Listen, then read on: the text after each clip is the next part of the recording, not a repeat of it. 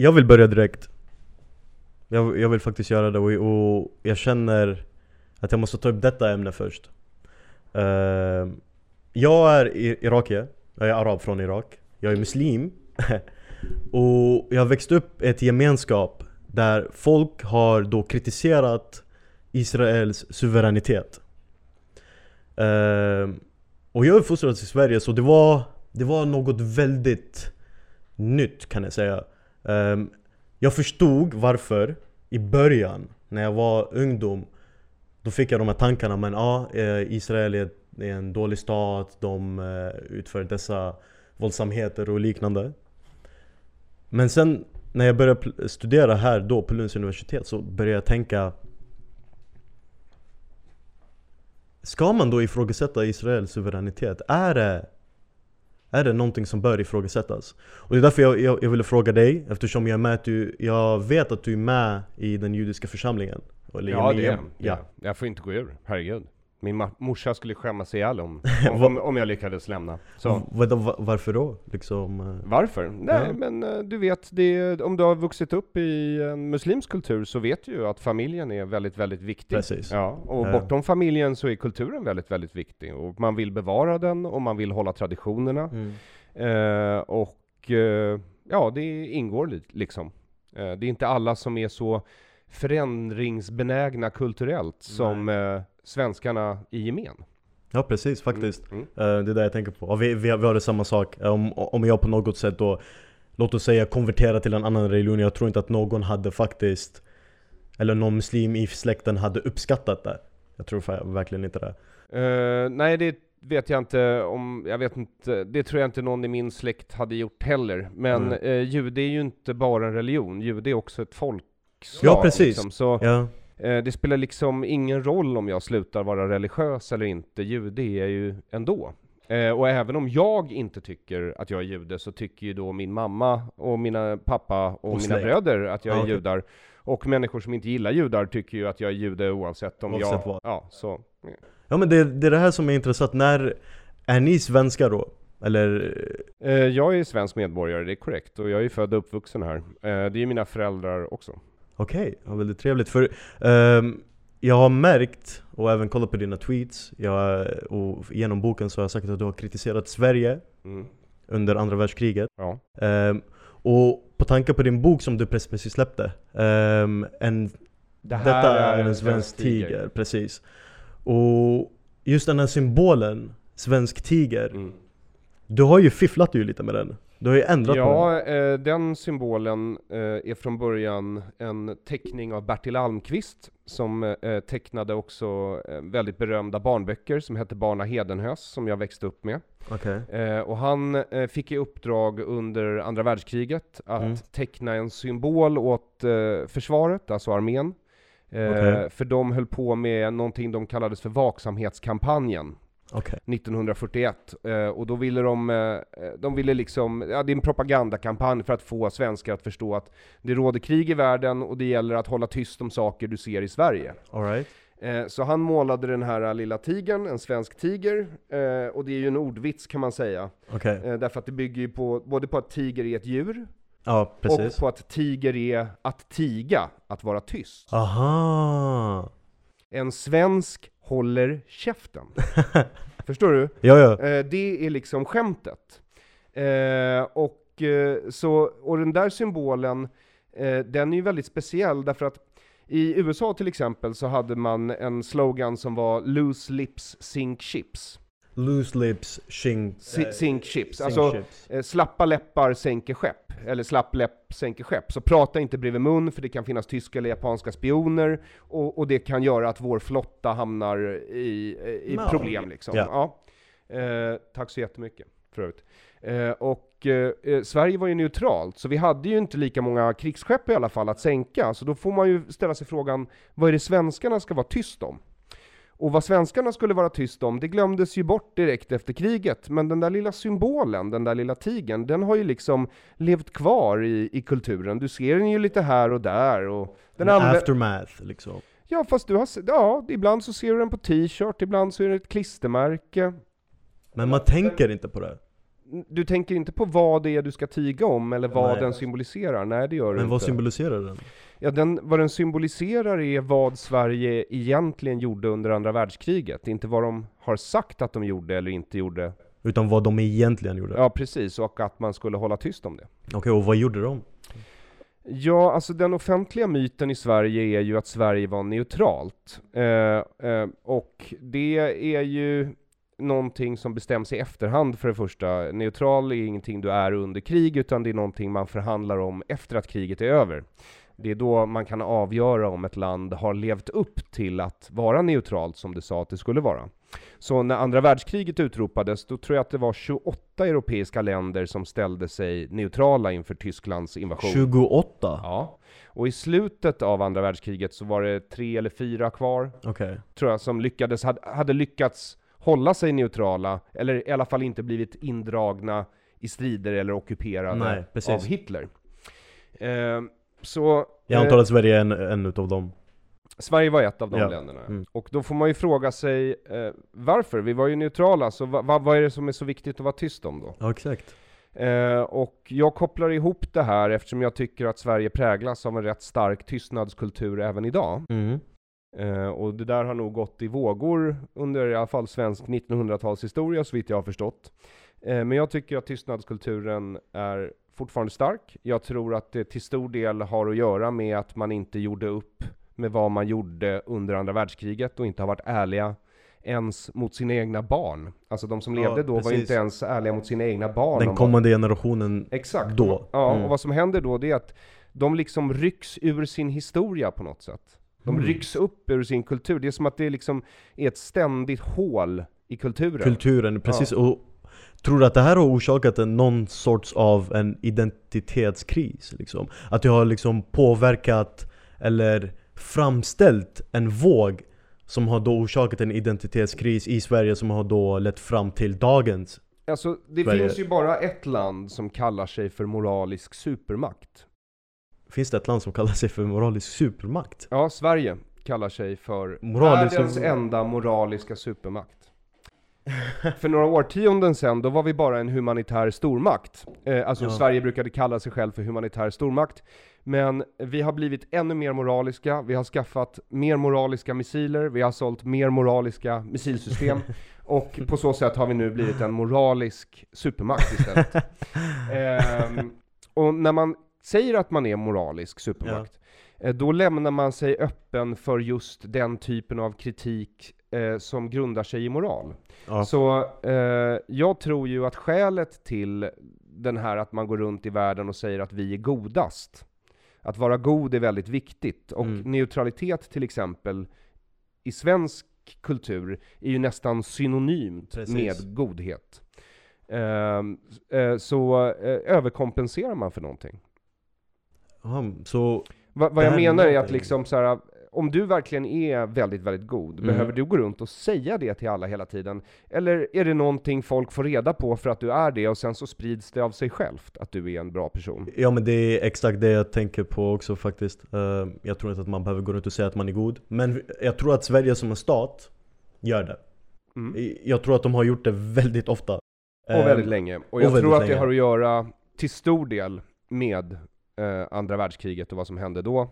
Och sen försöker jag spåra det genom eh, ett möte Olof Palme har med Yassir Arafat i Ja. Alger 1974. Oj just det, ja ja. Mm. Eh, och där vänder också, kan man säga, därför att efter andra världskriget, judar har varit hatade i, eh, i alla fall den kristna världen i 2000 Precis. år utan problem. Ja, ja.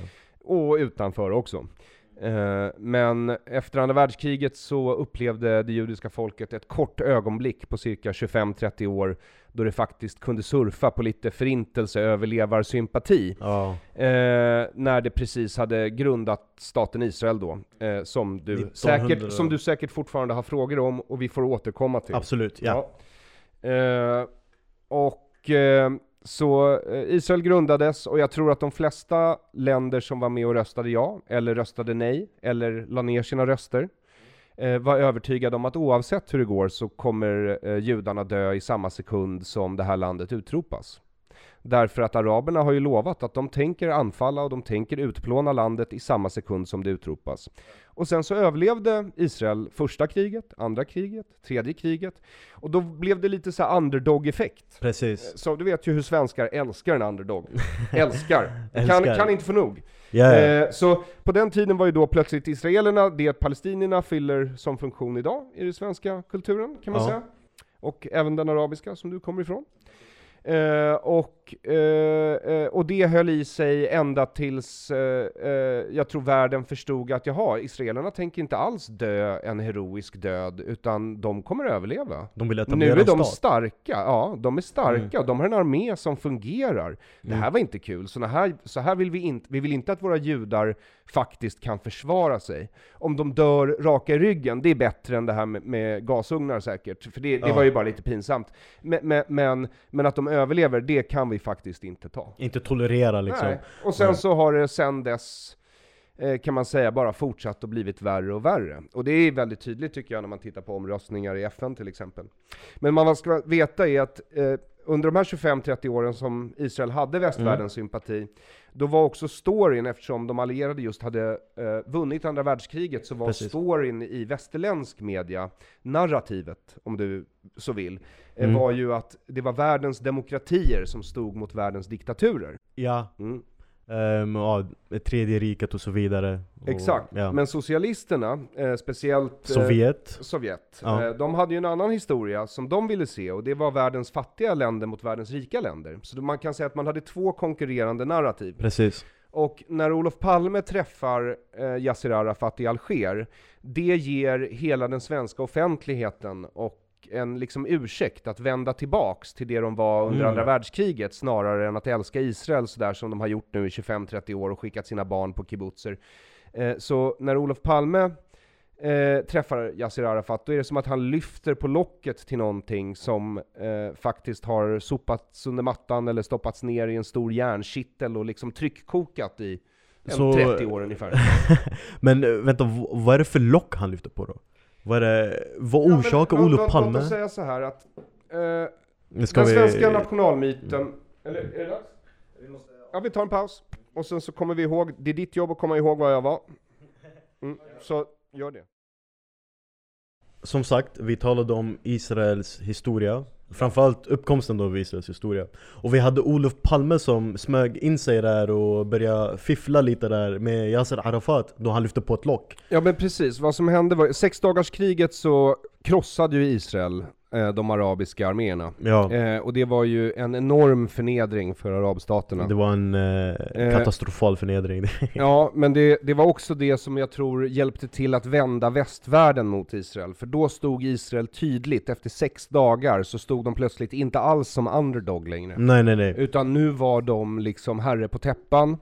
Eh, plus att en av deras generaler, Moshe Dayan, som var en stor krigshjälte, han hade liksom rakat huvud och ögonlapp, så man kunde liksom inte se mer Bondskurk ut Nej, än vad han så, gjorde liksom. Som en Marvel-film liksom. Ex, ja precis, Nick Fury, det, ja, det är typ det liksom. Eh, så, så det där, eh, och, och, araberna tyckte ju att de hade, ja, och sen så var det ett krig till, mm. Jom Kippur-kriget 73. Precis, och det är egentligen det viktigaste kriget, för då då tror ju araberna att de ska vinna först, för det mm. går jävligt bra. De överraskar israelerna, de är på väg att vinna. Det var då Egypten eh, körde emot Sinai-halvön, var, var, var, det då? Ja, det var Yom Kippur War. Eh, alltså sexdagarskriget så tar Israel eh, Sinai-halvön. Ja, ja, men efter 73 så vänder, alltså och det var en attack från Israel, nej det var en attack från araberna På Jom Kippur också, Precis. som var judarnas heligaste dag ja. eh, Så de eh, togs på sängen kan man säga eh, Och det ledde till att eh, dåvarande statsministern i Israel, eller premiärministern Golda Meir fick avgå efteråt Men okay. det var liksom, eh, Israel lärde sig i det kriget att de kommer inte kunna vinna alla krig militärt, för mm. det var så nära att de förlorade, ja. Eh, och gick under Och araberna började ompröva sin strategi. Fram tills det kriget, Jom Kippur-kriget 1973, ja. så var arabernas strategi Alltså att Israel skulle försvinna och allt skulle bli en enda stor arabisk stat. Panarabismen var Panar liksom... Jamal Abdel Nasser, Saddam Hussein och ja. uh, Al-Assad-familjen. I Syrien? Eh, ja, de Mm. tidigt, eh, alla, alla, det var en trend. Man var en skulle, trend, ja, man skulle, det skulle vara som ett arabiskt EU liksom, och Precis. det kunde inte finnas något Israel då för man ville ha den strandremsan. Palestina också framförallt. Ja. Ja, fast Mm. Palestina, Palestina var inte, alltså hela området hette Palestina på den här Ja. tiden i arabernas Men det var ingen stat, eller? Nej, det var ingen stat, Nej. utan redan när det bildades, precis som arabstaterna, så är ju det här gammal kolonialmark. Ja, precis. Det var britterna som, Brittiskt. Ja, Mm. som kontrollerade området Palestina. Och de hade tagit över det från turkarna. Osmanska rikets eh, fall 1918. Exakt. Ja. Och innan dess så hade det varit korsfarare någon gång för jättelänge sedan. Och, in, alltså, och sen, ja, det, alltså landet har över, erövrats Av eh, av varje eh, supermakt imperium. som har kommit till, kan man säga. Precis. Eh, så på den tiden så var det fortfarande de arabisk-israeliska krigen. Mm. Eh, men det här kriget fick araberna att ompröva sin strategi, så de gjorde två saker. För det första så använde de någonting som kallades för oljevapnet. Oljevapnet? Ja, de hade prövat två gånger tidigare att, eh, göra, att blockera olja till Israel och Israels allierade. Okej. Men på den tiden, alltså 50-60-talet var väst inte tillräckligt beroende av arabisk olja för att det skulle funka. Men vid 1973 så hade väst blivit så beroende av arabisk olja så att när de satte upp en blockad, ett embargo mot Israel och USA OPEC One tror jag att det hette. Ja. Ja, precis. Ja. OAPEC tror jag Ja. till och med. Eh, Så, ehm, så blev det internationell lågkonjunktur och det drabbade hela världen. Ja precis, Ja. ja. det, eh, det, det som är intressant med det, för jag eh, gjorde, eller skrev en uppsats då om detta eh, USA hade ett system som, eller världen hade faktiskt ett system som kallas för Bretton Woods system Och det här systemet betyder att alla länder kan ha ett, ett, ett, en fast växel till eh, dollarn Och dollarn har då fast växelkurs till guldet Ja. och det följer ju då med när OPEC One då uppstod och påverkade då hela det här fallet. Så, men jag visste inte att det berodde på kriget. Jag visste inte att det hade med Israel att göra. Hälften av Bretton Woods föll då. Hälften, okej. Hel- Ja. för, för så här, Bretton Woods var delvis ett valutasamarbete där man knöt dollarn till guldet. Och det var man tvungen att överge, guldmyntfoten var man tvungen Precis, att ja. överge. Till Eh, men men ja. två andra konsekvenser av Bretton Woods Mm. finns kvar än idag. Mm. Internationella valutafonden och Världsbanken Ja, är båda institutioner som skapades i och med Bretton Woods. Så de delarna finns kvar. Eh, kan man säga. Men, och sen det andra som hände eh, efter 73 och Jom Kippur-kriget, det var att araberna omprövade sin, eh, ska man säga, mediastrategi, eller propagandastrategi, därför att de insåg att ja men om vi är araberna, vi är Mm. liksom 400 miljoner och Ja. israelerna är bara några stycken, då är ju de underdogs, så hur ska vi göra det? Jo, och då blev det så att då fick Arafat sin chans, därför att innan dess så hade en stor del av ledarskapet för de här ansträngningarna sköts av en kille som hette Mufti Hajamin al-Husseini. Kan du säga om det där? Eh, Mufti Haj Amin al-Husseini. Okej. Eh, nu ja. är mitt uttal väldigt svenskt. ja, ja, ja, ja. ja, det var väldigt svenskt, men det, men det är också ett långt namn och... men du gjorde bra ifrån det. Ja, Du var- tack så mycket. jag ber mig inte eh, säga Arafats riktiga arabiska namn, för det är för Jag har inte långt. ens tittat på den. Det är för långt och för svårt. Ja, Det vågar jag? Ja, det, jag tror till och med det är för långt och för svårt för vissa arabisktalande. eh, men men ehm, han hade eh, lett uppror mot eh, britterna eh, för ett, eh, ett arabiskt eh, storvälde i Mellanöstern redan innan andra världskriget. Okej. Eh, han ledde då den palestinska-arabiska saken, eller den arabiska saken Ja. i frågan om Palestina som det kallades då. Eh, och han ledde massakrer på judar då. Eh, det här var innan kriget, eh, alltså innan Jaha. andra världskriget. Så under 30-talet så ledde han pogromer och massakrer mot den judiska befolkningen i I Israel, Israel. eller Palestina Ja. då, som det hette då. Eh, och sen så blev han ju tvungen att fly, Eh, för han ledde ett uppror bland annat mot britterna, och det gillade de inte. Nej såklart inte. Så då Nej. flydde han först till Irak, där han eh, också ledde uppror mot britterna, och sen eh, eh, eh, pogromer mot judarna, alltså såg till att döda så många som möjligt, var han tvungen att fly därifrån också. Oh, oh, kristallnatten i flydde, då Irak. flydde han till fascismens Italien och togs emot av Benito Mussolini som hade sponsrat en hel del av hans gerillakrigföring. Och därifrån vidare till Berlin där han blev då Hitlers röst gentemot arabvärlden. Under hela kriget så sände han radio om hur eh, onda judarna var och hur onda väst var. Eh, och sen efter kriget så blev han tillfångatagen av fransmännen. Och det var flera europeiska länder som ville ha honom utlämnad för krigsbrott för att Ja. han hade eh, hjälpt, till och, och hjälpt till med förintelsen framförallt. Men han lyckades fly, han var en jävel på att fly, al-Husseini. Och då flydde han till Egypten, okay. där han togs emot med öppna armar av Hassan al-Banna, som var grundare till Muslimska brödraskapet. Precis. Och dåvarande kungen av Egypten, Farouk. Ja, Farouk. Och sen ja. så började han hetsa dem att omedelbart attackera det som skulle bli den judiska staten.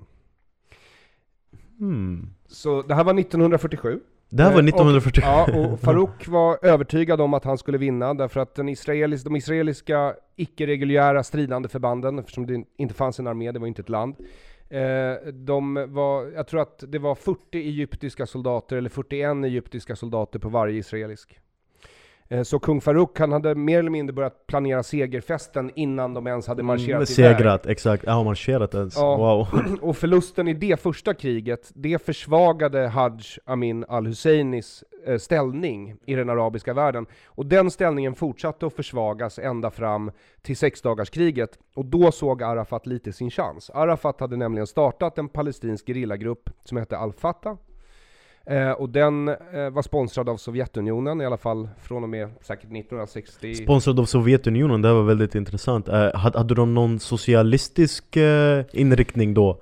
Eh, ja, nah, så här. Ehm, eh, alltså när Israel grundades, då stod Sovjet på Israels sida och USA på arabernas sida. Uh, ja, wow, det här ja, var jag, sjukt. Vet, jag vet hur det låter. Men, men, men, men, så efter, efter bara några år så upptäckte väl, eh, då amerikanerna upptäckte att araberna verkar inte vilja bli västerländska demokratier, och, och Sovjet upptäckte att jaha, Israel verkar inte vilja bli ett kommunistiskt paradis, trots att de har alla de här kibbutzerna.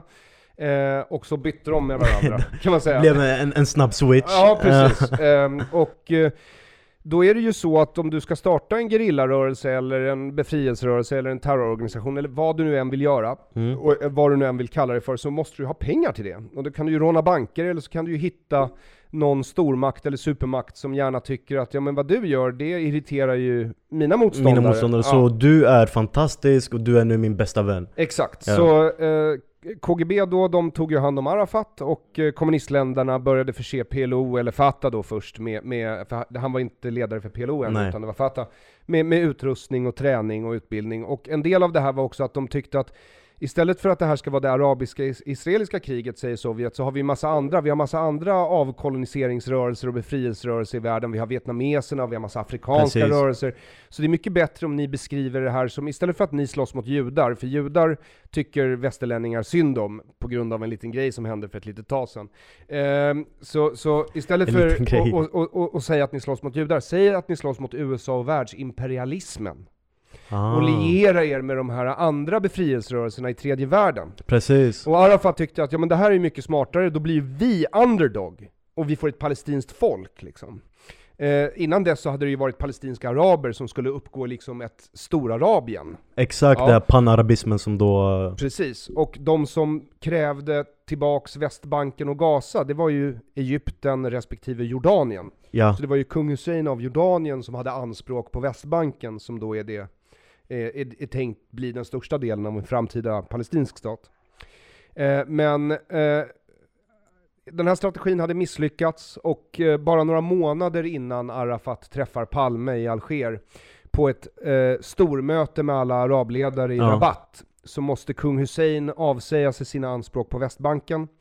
Amin al-Husseini hade dött bara några månader tidigare på sommaren och Arafat får då eh, uppgå i PLOs ledning och ta över ansvaret, alltså för PLO, för som PLO. är para, paraplyorganisationen för alla palestinska terror och befrielseorganisationer. Och det Inkluderar flera... detta Hamas? Jag vet inte när Hamas... Hamas fanns inte då. Nej, då fanns inte så. Nej. Okay. Eh, så på den här tiden så var det uppdelat mellan eh, framförallt olika socialistiska, men det fanns även lite mer vad vi idag kanske inte, alltså idag skulle kalla islamistiska. Det väl ja. är oklart. Alltså saker morfar ju liksom. Ja, ja precis, det har det gjort. Eh, men så det var vad som hände där, och i och med att han träffade Arafat Palme, för på den tiden så var Arafat en skurk och terrorist i all västmedia.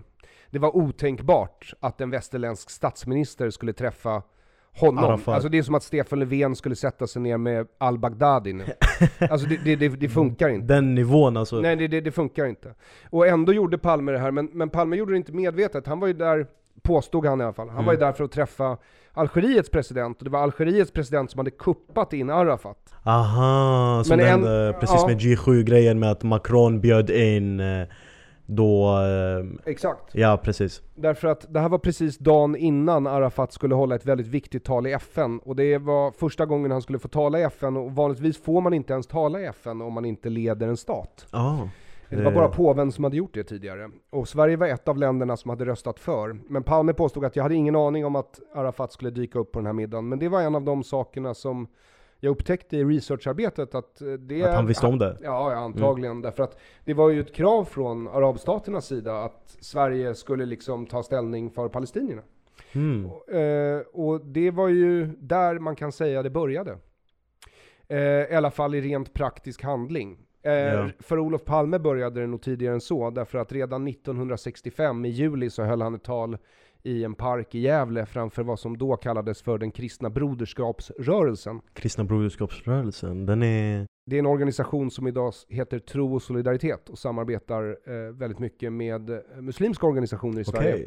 Som eh, man skulle kunna misstänka tillhör Rabiat. Rabiat? Eller ja, Muslimska brödraskapet. Ja, ja, muslim, ja. ja. Precis, um, och, och, nu när jag tänker på detta liksom, um, om, är det här en sekt? Vilken av dem? Uh, den uh, kristna Bro broderskapet? Jag, jag, tror absolut inte de kallar sig för det. Men uh, om du frågar mig som utomstående betraktare om den socialistiska kristendomen med sina starkt utopiska inslag är en sekt. um, Jag tycker att den har i alla fall definitiva sektliknande kvaliteter, ja. ja. tycker jag, jag tycker det. Du men, tycker men, det? Men, men, det tror jag absolut inte de håller med om. Men, men eh, jag skulle nog säga att deras metoder är lögn, manipulation, utfrysning. Eh, de har eh, utopiska, helt orealistiska mål. Eh, eh, och de hänger upp hela sin världsbild mer eller mindre på en förklaringsvariabel, så den är rätt paranoid. Den är paranoid? Ja, till, till den det. så Karl-Henrik Grenholm skrev ju i Broderskaps tidning redan, jag tror det var 1971, så skrev han Palestinierna önskar förgöra Israel, helt krossa staten. Det är ett mål vi bör stödja. Va? Alltså och, som svensk? Och, och Karl-Henrik Grenholm, han var alltså fortfarande professor i teologi vid Uppsala universitet när han gick i pension utan att någon hade anklagat honom för någonting 2013. Och han är numera professor emeritus där. Så eh, att det skulle ha hänt något, att Sverige skulle ha gjort upp med sin historia från vare sig andra världskriget eller den här perioden när sossarna polade som mest med Sovjet, det är ren bullshit. Så, på, alltså hur, hur är det bullshit då? Mm.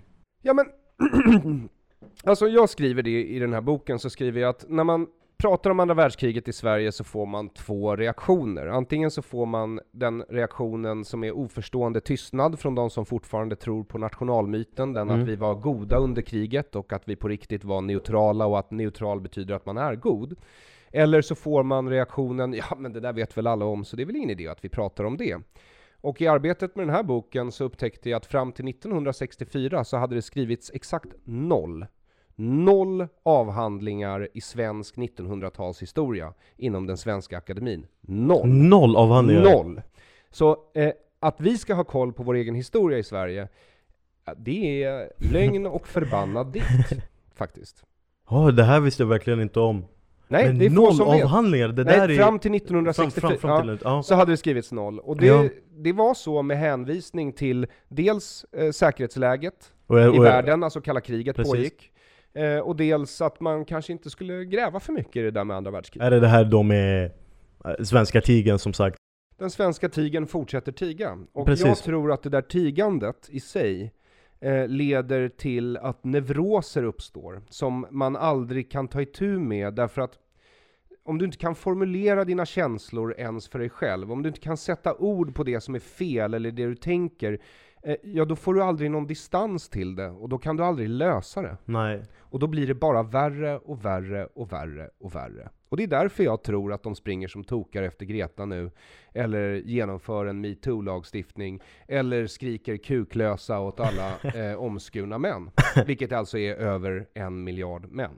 Ja, precis. Och, och man skriker till över en miljard män att de är kuklösa, eh, då har man inte förstått hur gatans parlament fungerar. Um, varför bryr sig folk om min snopp? Um, därför att instinktivt så uh, gör det ont i människor när man skär i små barn. Mm. Och det måste man förstå. Mm. Oj, uh, där ramlade ljudteknikern, det är okej. Okay. um, eller kameramannen, eller fotografen, beroende på. Beroende på. Mm. När folk skär i barn så gör det ont i andra människor, speciellt om de inte kommer från den kulturen. Religionsfriheten, mm. Mm. Eh, den finns ju till på samma sätt som yttrandefriheten för att skydda impopulära religiösa sedvänjer. Förstår du vad jag menar med det? Ja. Alltså att du behöver, med yttrandefriheten behöver du inte skydda sånt som alla håller med om. Nej. Utan det är de åsikter som folk inte håller med om som yttrandefriheten finns till för att skydda. Om de yttrandena inte skadar personen eller andra för mycket för att det ska kunna anses vara acceptabelt. Omskärelse är eh, av gossebarn då, inte av tjejer. Ah, ja, ja. Ja, omskärelse mm. av gossebarn är liksom på något sätt alltid den springande punkten där gränsen måste dras. Därför att om du drar gränsen innan omskärelse så blir det alltid kommunistiskt förtryck, eller nazistiskt, eller romerskt, eller grekiskt, eller någonting annat. Ja, det där var många kulturer. Ja, men det här har, det här, det, alltså att förbjuda omskärelse har gjorts massor med Väldigt gånger. ofta. Ja, och det mm. pågår nu i Kina. Så, så, ja. eh, så det är liksom, vill du ha historiska exempel på hur det brukar gå när man förbjuder just omskärelse så finns det gott om dem. Men vill du prata principerna till varför det borde vara tillåtet, så är det så här att den kroppsliga integriteten hos barn är givetvis viktig. Men barn tillhör sina föräldrar tills de är vuxna nog att delta i samhället Precis. och ta ansvar för sig själva. De är omyndiga tills de är 18 år. Exakt, och då måste de socialiseras in i samhället. Och varje kultur innebär en märkning, det vill säga att när du växer upp i en kultur så kommer du märkas av den. Oavsett om du är för den kultur du har vuxit eller upp i eller emot, spelar ingen roll. Du kommer ändå ja. eh, märka den i alla fall, och ta del av den även det du måste, faktiskt. Du måste det, ja. därför att om man, om, man, om man uppfostrar en människa i ett helt isolerat vitt rum och bara skickar in lite mat då och då, för det första så dör de flesta spädbarn direkt, de behöver fysisk kontakt ja. den första tiden. Och för det andra, om de, om de inte får några, några, någon som helst socialisering, då bli, det är som att stympa dem. Därför att de hinner inte utveckla språk, de hinner inte utveckla kognitiva förmågor, de utvecklar inte empati, och de kommer aldrig komma ikapp troligtvis. I alla fall inte på de få fall som har testats, som jag har läst ja, om. Samhällsmässigt så kommer de verkligen inte komma ikapp. Nej. Och då är det också att stympa barnen. Ja. Så, så, så vi har alltså en avvägning här mellan att inte göra för stor skada på våra barn och att inte göra någon skada på våra barn, för att inte göra någon skada är också att göra skada. Eh, och då måste vi hitta den här avvägningen. Okej, okay, det där var en väldigt intressant faktum. Så vad, vad, vad menar du just exakt med att när vi inte utför någon skada till vårt barn, så utför vi någon skada till vårt barn? Vad jag menar är till exempel att om du eh, växer upp utan dina föräldrar, eller att dina föräldrar inte är föräldrar åt dig, utan de kommer inte lära dig vad som är rätt eller fel, utan de vill vara polare till dig. Ja, exakt. Då får du aldrig någon riktning i livet. Ja, då kanske du aldrig bryr dig om dina studier och sen så kanske du blir en misslyckad nolla som ligger och dör på en centralstation för att du inte kan försörja dig själv och inte vet hur man städar sitt rum. Eh, det är också att skada barn. Ja, jag håller faktiskt med. Mm. Alltså, eh, där, det var en väldigt stark poäng. Så, så då är vi överens om att barn måste socialiseras i någon mån. Mm. Och socialiseringen är alltid en märkning. Det språk och den kultur barnen lär sig kommer att märka dem för livet. Det kommer bli det medium varigenom de förstår sin omvärld och kommunicerar med sina medmänniskor. Väger väldigt mycket. Så hur mycket får den socialiseringsprocessen kosta? Får den kosta så mycket så att vi skär bort någons klitoris? Nej, Nej. det har vi kommit överens om. Ja, det är för mycket. Det är exakt. Ja. Men var ska gränsen dras? Därför att till exempel så här, svenskarna gör det ju enkelt för sig förra veckan när de säger så ja men man, inga fysiska märken.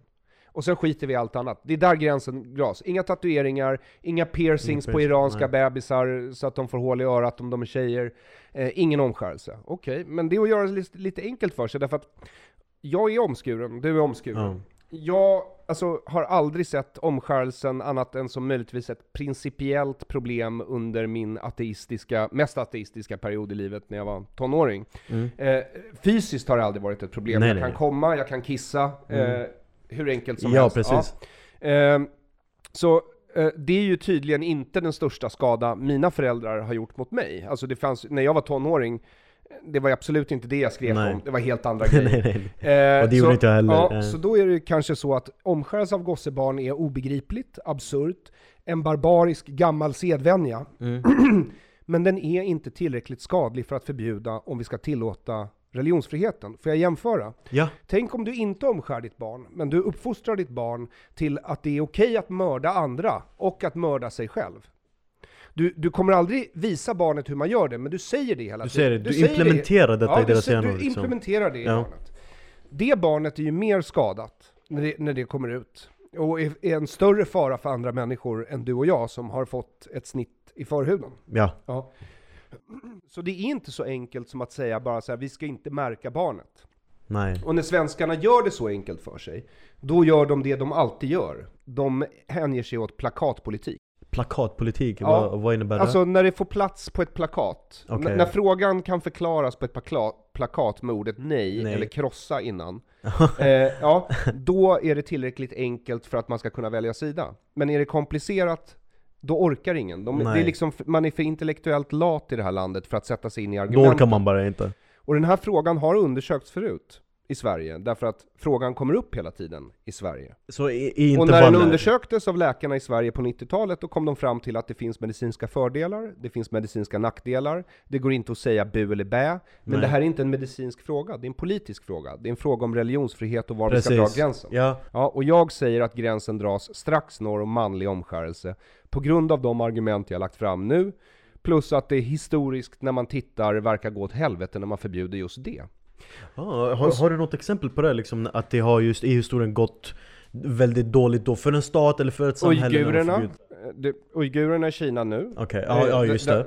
Nummer ett, ja. de sitter i stora läger där de ska ja. liksom indoktrineras till att bli kommunister istället Precis. för islamister. I don't know what's helt... worst, really. um, och sen så har vi Sovjet tiden, alltså ja. alla Sovjetländer var det förbjudet, eller åtminstone så motarbetat så att det inte gick att göra. Okej. Okay. Uh, Hitler-Tyskland Hitler-Tyskland förbjöd ja. Det sägs eh, att kejsar Hadrianus av Rom i ett av de sista judisk-romerska krigen gick ja. ut i, i, krig mot Israel just på grund av omskärelse. Just på grund av han, ville, krig. han ville förbjuda omskärelse. Alltså, alltså, eh, så han gick så långt för det? Alltså anekdoterna säger att han hade en ung pojke som var hans älskare, som var okay. omskuren, och han stod inte ut med att den här unga älskaren var omskuren, så han var beredd att gå ut i krig för att se till att inga andra barn, ja, och pojkar en... som han gillade då, skulle bli omskurna. Ja det där är en väldigt... Det där, det där var ett konstigt krig. Och, och, och, ja, jag, jag, tror säkert det fanns fler, men, men ja. jag, jag, tog det som anekdot på Twitter, ja. eh, därför att eh, så fort man tar upp Hitler-Tyskland så stänger folk av i ja, det här precis. landet. Så det, det, är ingen idé att säga det som exempel. Men Nej. det är ju ett tydligt exempel. Eh, och Dan Korn, eh, som är skribent och sån här eh, opinionsbildare, han, han skrev just det, att det är roligt hur i, i svensk offentlighet så är folk alltid ute och skriker det är precis som på 30-talet, det är precis som på 30-talet. Och sen när de vill förbjuda omskärelse, vilket var exakt vad de gjorde på 30-talet, så är det ingen som säger någonting. Det, det är just den här tystnadskulturen som du talade om tidigare. Ja. Uh, och jag som står så politiskt obunden. Um, jag kan faktiskt hålla med i detta. Då nu så tittar jag på samhället utifrån mitt perspektiv, mitt irakiska perspektiv. Eftersom jag föddes i Bagdad, uh, men tog min väg hit sex månader efter min födelse. Och det var imponerande. Ja, det var helt, faktiskt... helt på egen hand utan hjälp.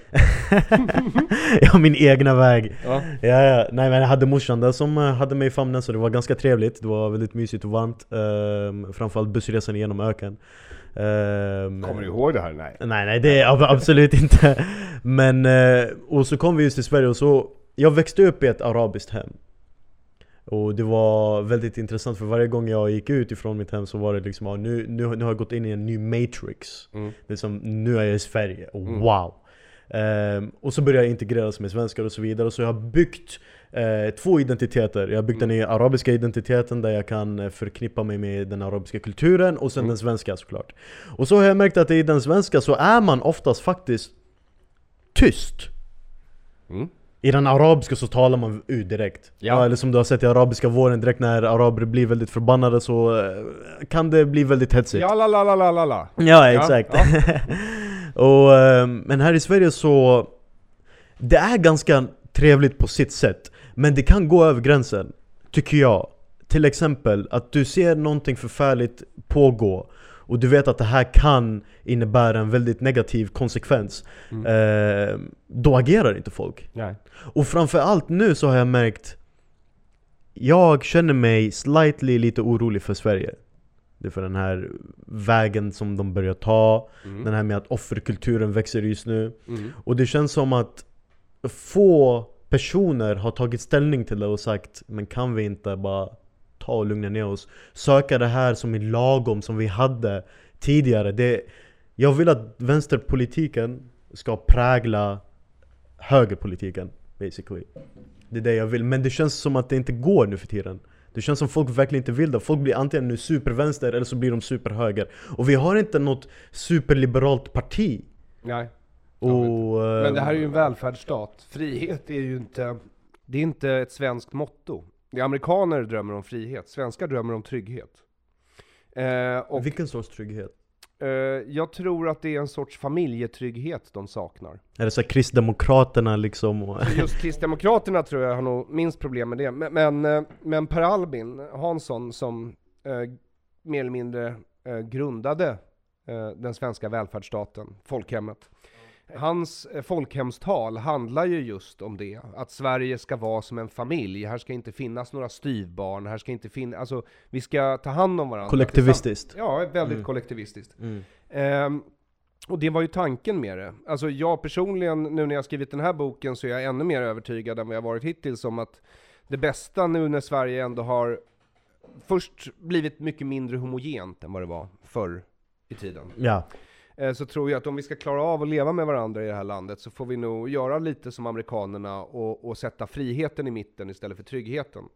Därför att det, i USA så har de i alla fall den fördelen att de konservativa förstår att de behöver frihet om de vill kunna bevara sina traditioner. De liberala förstår att de behöver frihet om de ska kunna utveckla nya traditioner. Mm. Men de är båda överens om att inte ge för mycket pengar till staten så att de båda kan vara i fred från varandra och Precis. göra det de vill. Exakt. Eh, och sen är det så att, ja, vi kommer inte kunna hjälpa alla och alla kommer inte bli likadana framförallt. Nej. Vilket är, eh, tror jag, väldigt antisvenskt, tyvärr. Eh, men, men eh, så är det. Eh, den här likhetsgrejen är över oavsett om eh, majoritetskulturen vill det eller inte. Vid det här laget. Ja exakt, alltså det är, och det är därför jag ville så introducera eh, mitt betänk gällande detta.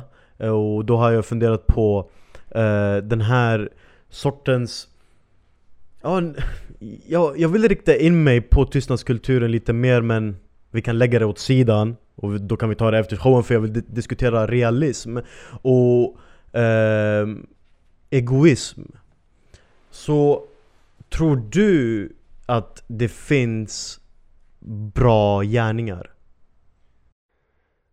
Det är en väldigt bra fråga. Det är en väldigt bra fråga, mm. men ja det gör jag väl.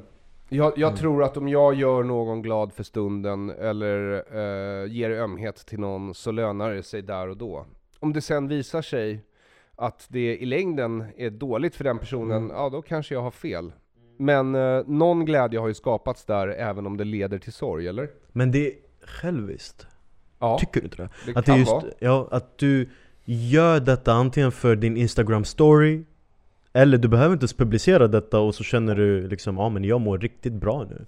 Jag mår riktigt bra för jag hjälpte denna hemlösa människa, jag köpte en pizza åt honom och jag gav honom en pizza och jag såg ett leende och jag blev riktigt bra. Och det är en bra gärning, jag tycker att det är en, det är en väldigt bra gärning faktiskt. Men det är inte sann altruism menar du? Precis. Nej, det och det är därför jag vill introducera det här realism, eh, både som ett internationellt, eh, ett internationellt spektrum då. Och då tänker jag när man tittar på världen och så vidare och vi talar om den här friheten. Eh, jag tror att alla länder inklusive såklart Sverige för alla länder, eh, tjänar sig själva egentligen. Och Sverige använder detta game genom att säga vi är de här ja, mor moraliska mm. superstaten mm. eh, som bekämpar antimoraliska ja. stater. Mm. Eh, och då... Jag tycker att det är en grej vi måste diskutera här i Sverige, att realism finns i ett internationellt spektrum. Att vi måste kapprusta, varenda land kapprustar i alla kategorier.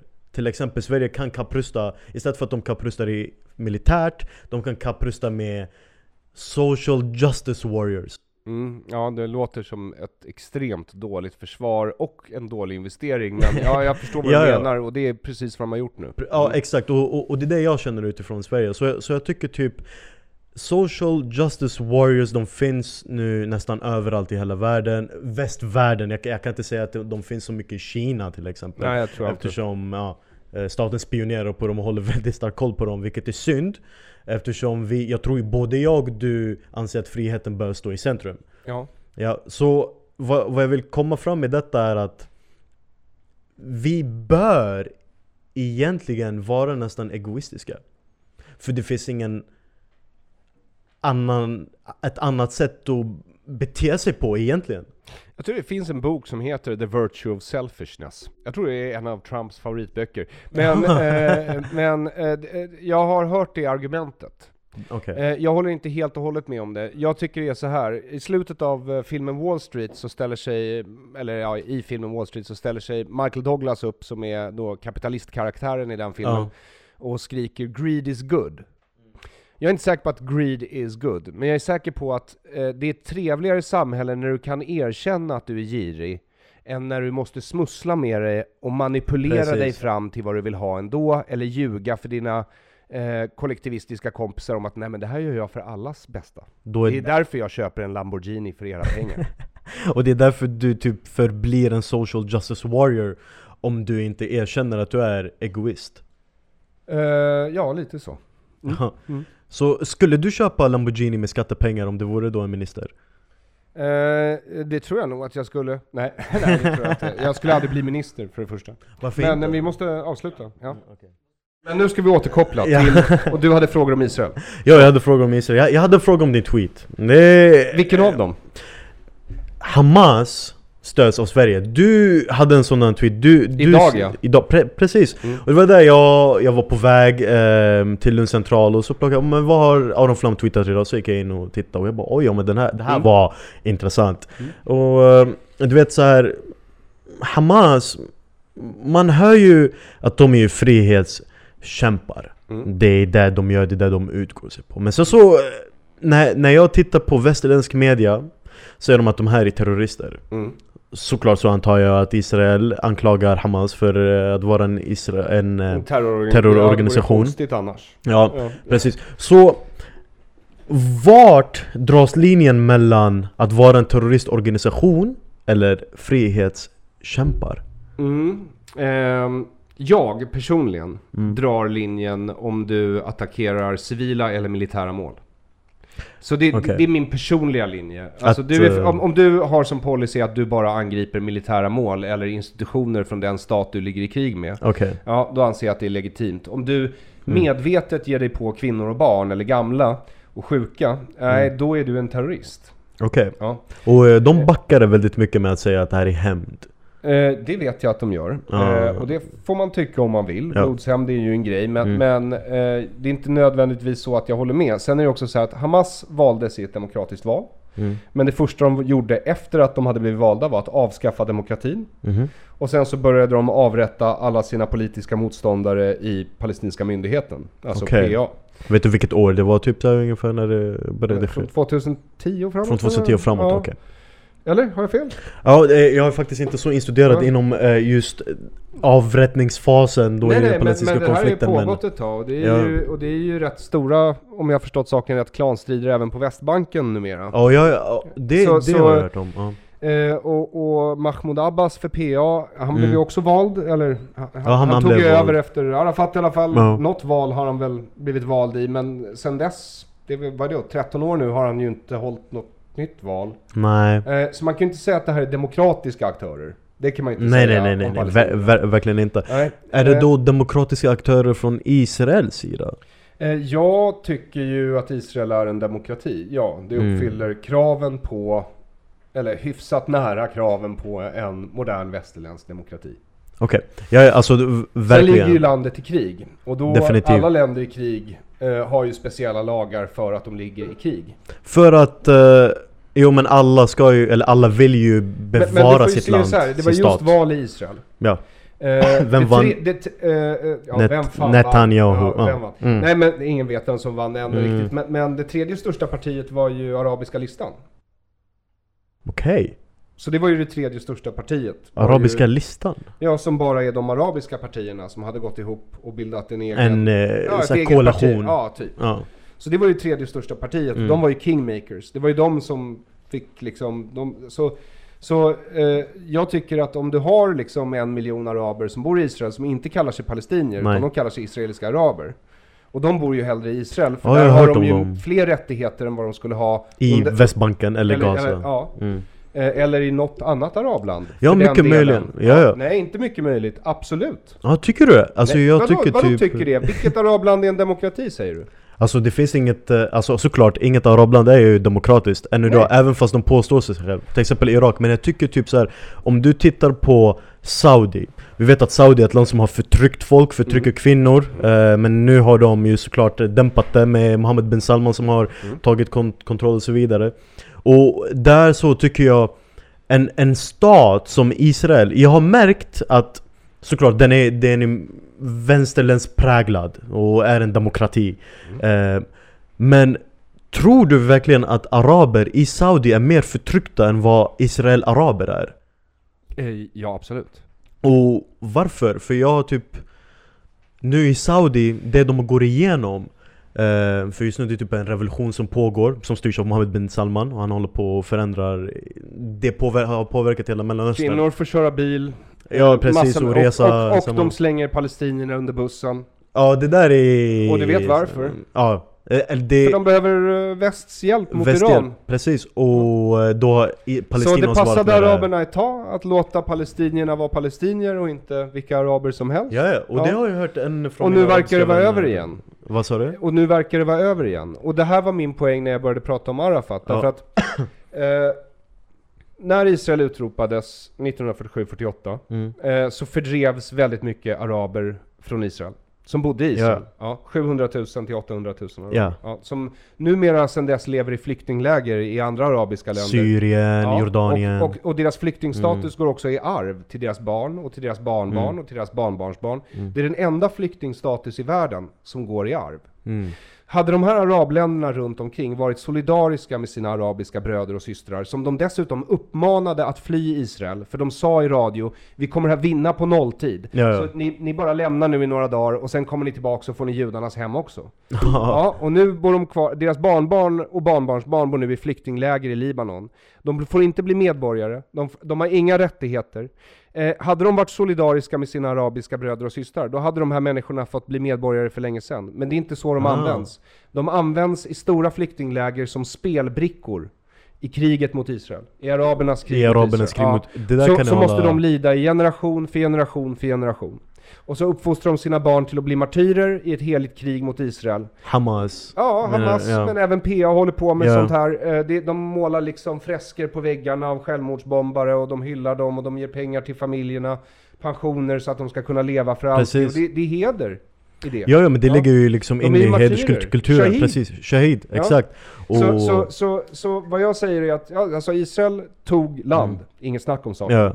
Judarna blev utkörda från Europa. Det fanns lite judar i det pro brittiska protektoratet Palestina. Ja. Men det fanns även araber, det fanns druser, ja, beduiner, lite av varje. Så vad, eh, till vilket folk tillhör det?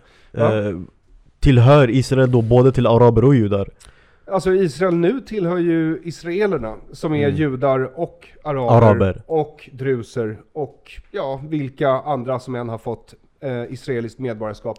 Men det är klart att Israel är ett land som alla andra, det vill säga majoritetsbefolkningen är alltid lite mer mm.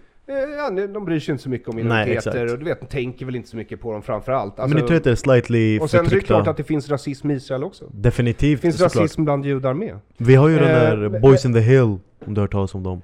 Boys Up the Hill eller de där som det, det, är en organisation som anses nu vara en terrorgrupp i Israel Och de är judar och de håller sig till berg och hill Och det finns en fantastisk dokumentär av Al Jazeera som de har då intervjuat dem Och de har okay. utfört ju, och de är ju ja. Eh, ja. superrasistiska såklart Nej, men, men, ja, eh, men de, de, finns, de finns såklart Ja, ja. Det, det, och det, ja, eh, alltså Israels armé har tagit hand om inhemska terrorgrupper också. Okay. Sen kanske inte de har uh, straffats lika hårt som de palestinska Nej. terroristerna när de tas. Ja. Men, men uh, som sagt, det är krig.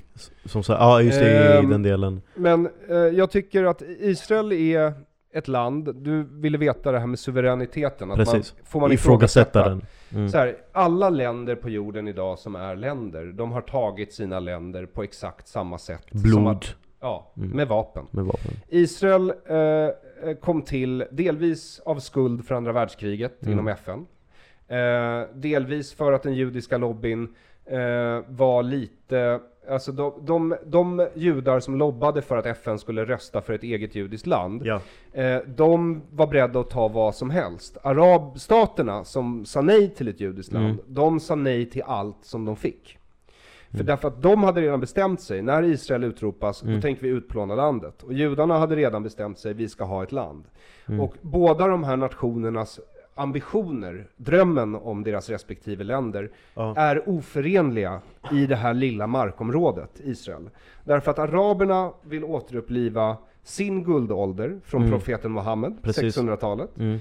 Eh, och israelerna vill, upp, vill, alltså de kanske inte vill eh, återuppliva den bibliska guldåldern. Mm. Det tror jag väldigt få Nej, ja. moderna israeler vill. Dark ages. Eh, men de vill gärna ha ett eget land. Ja, ja. Och nu har de ju det. Och de har tagit det med vapenmakt. Ja, så vid det här laget så är det ett faktum bara på grund av det. Definitivt. När det gäller kritik av länder så tycker jag att man ska absolut kritisera länder. Man ska kritisera skiten ur dem. Man ska kritisera allt de gör så ofta man kan. Om de inte mot all förmodan skulle göra något bra av ren slump någon gång, då kan man väl säga grattis. Ja, ja. Men, men, men, men, på det stora hela så är det skillnad på att kritisera ett land och på att kritisera ett lands rätt att existera. Vilket är vad man gör om man ifrågasätter Israels rätt att existera.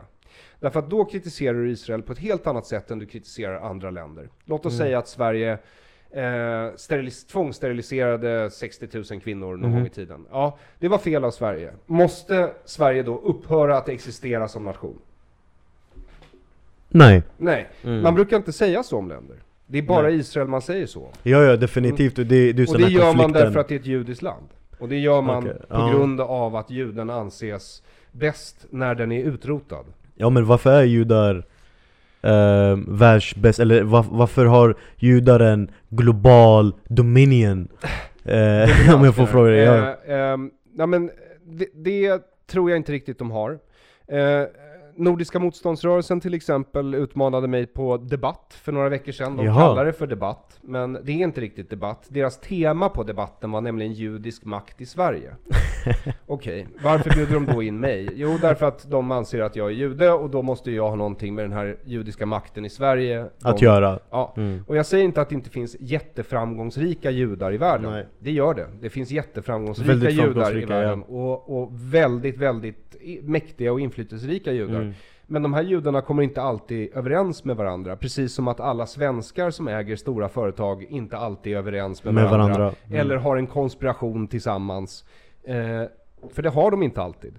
Ibland så kanske de har det, men de flesta konspirationer brukar inte heller hålla särskilt Nej det gör de verkligen inte, och du har ju de här konspirationerna med att Rothschild-familjen Som är en väldigt Men det är en väldigt, eh, stor ett väldigt bra exempel, för det var en ja. stor bankfamilj Precis. De hade enormt mycket pengar innan andra världskriget ja, ja. Hitler tog alla de pengarna Ja, från alltså guldet då antar jag? Ja, guldet och, och aktierna och alla företagen Allt det där tog Hitler från Rothschild Ah. Så det som Rothschild hade kvar var inte, det var fortfarande mer än vad du och jag antagligen ja, någonsin ja. kan drömma om. Eh, men, men det, var in, det var bara en bråkdel av den förmögenheten. Eh, så det där tror jag är ett konstigt sätt att se på saken, men det, det, det, har sin förklaring. Därför att kristna och muslimer fick inte ta ränta. Det var syndigt att ta mm. ränta. Och i islam är det fortfarande synd att ta ränta. Ja, det är synd. Eh, men bankverksamhet måste finnas för att samhällen ska fungera. För att överleva, banken ja. måste överleva och samhället också. Så då ja. gav, eftersom det för judarna inte är synd att ta ränta, så gav ju då judarna muslim, muslimerna mm. och de kristna, de sa till judarna, men ni får ju ta och ta hand om banken. Okay. Och om man ger bort banken, då kan man ju inte bli arg för att personen man har gett den till råkar bli rik. Ja, ja exakt. Därför att du gav ju just bort banken. Precis. Det så, var just så, det. Så, så vad, vad, förväntar du dig? Alla blev ju advokater, de sa men judar får ju vara advokater fick, Ja men judar fick inte bli vad som helst. Nej, så det fanns bara få saker judar Precis. fick bli. Läkare, advokater, och banktjänstemän. banktjänstemän. Ja, och det är ju inte de tre minst lönsamma yrkena som gavs bort direkt. Nej. Nej, utan det är bra yrken. Det är riktigt bra yrken, men såklart alltså den, den här Jag undrar dock varför, för om man ger bort sin bank och så vidare, eller såklart ska det inte ens vara någon fråga om om det här är en jude, borde vi ge en, vår bank till denna person, borde denna, bank, eller denna juden styra vår bank? Det ska inte vara någon fråga om det, men jag tänker varför vill en stat ge bort sin bank? Ja, varför alltså, gjorde det gäller, de När det? det gäller kristendomen, islam också säkert på sitt sätt. När, när det men, men kristendomen är framförallt en mycket mer, vad ska man säga, transcendental. Det är mycket mer själslig religion än judendomen. Mm. Judendomen väldigt eh, världsorienterad, har väldigt mycket med här och nu att göra, inte så Mm. mycket med vad som kommer sen efter att du har dött att göra. Precis. Eh, så i kristendomen så är ju den här världen, i alla fall när kristendomen var som starkast och alla levde i en kristen värld, då var ju Mm. den här världen var ju djävulens värld. Det här var ju syndens värld. Det var ju här materia fanns. Du menar, vänta, menar du Europa eller, eller, eller vad? Ja, Europa framför Ja. allt. Men det här, Mm. alltså när den romerska kyrkan var som mäktigast så var det ju en, ett världsimperium. Ja, ja. Ja, så, så, eh, och det, är ju fortfarande en institution som har väldigt mycket makt över folks själar, hjärtan och, och sinnen. Ja, precis. Så, ehm, eh, så i, i den kristna världen så var det dels så att judarna anklagades för att ha dödat Jesus. Eh, mellan oss två så var det romerska soldater, men... Mm. Oh! Eh, men, men, men, eh, men judarna benådade honom inte, så de fick skulden för det. Och sen så är det också så att juden är lite symbolen för pengar. Ja! Så det är pengar på ben, Det, kan man det, säga. det är exakt, det är Ja. liksom, och det är menar en jag inte att jag har. jag är pengar. Jag Nej, menar nej, nej, nej. Idén, om Idén, juden exakt. är pengar på ben. Ja men det är Hollywoodkulturen och så vidare präglas ju utav judar och så vidare. Ja, men det är bara de senaste hundra åren och det där har ju Precis. också att göra med att judar inte fick jobba överallt. Så väldigt många judar jobbade inom eh, varietéteater. Charlie Chaplin och så växte Mm, upp. ja, här- just det. Och sen när filmen kom så var det många som drog då till Hollywood därför att det var en helt ny teknologi, ja, det kanske går att, att göra, Det är och det var intressant. inte så många som ville ta En risken. ny industri Ja. liksom och Ja. eh, Hollywoods framgång. Men eh, judarna står ju för eh, Hollywoods framgång. Det är ju, det är ju där det är präglas av de här pengarna som har strömmats in i Hollywoodindustrin. Är alltså ju, okej, men får jag nyansera det då? Eh, Ja. Walt Disney var ju antisemit. Walt Disney var antisemit. Ja, han var inte jude alls. Han gillade inte judar. Verkligen inte alltså. Nej, verkligen, verkligen inte. Och Walt Disney, och Disney är ju fortfarande ett av de största produktionsbolagen. Ja, ja. Så det är det här jag menar. Alltså, eh, det är klart att det finns starka intressen inom, ibland är det baserat på folkgrupp, ibland är det baserat på politisk ideologi, ibland är det baserat på kön, ibland är det baserat på ja, religion, eller what the fuck ever. Ja, ja. Eh, och det finns säkert människor som konspirerar och människor som försöker göra dumma saker.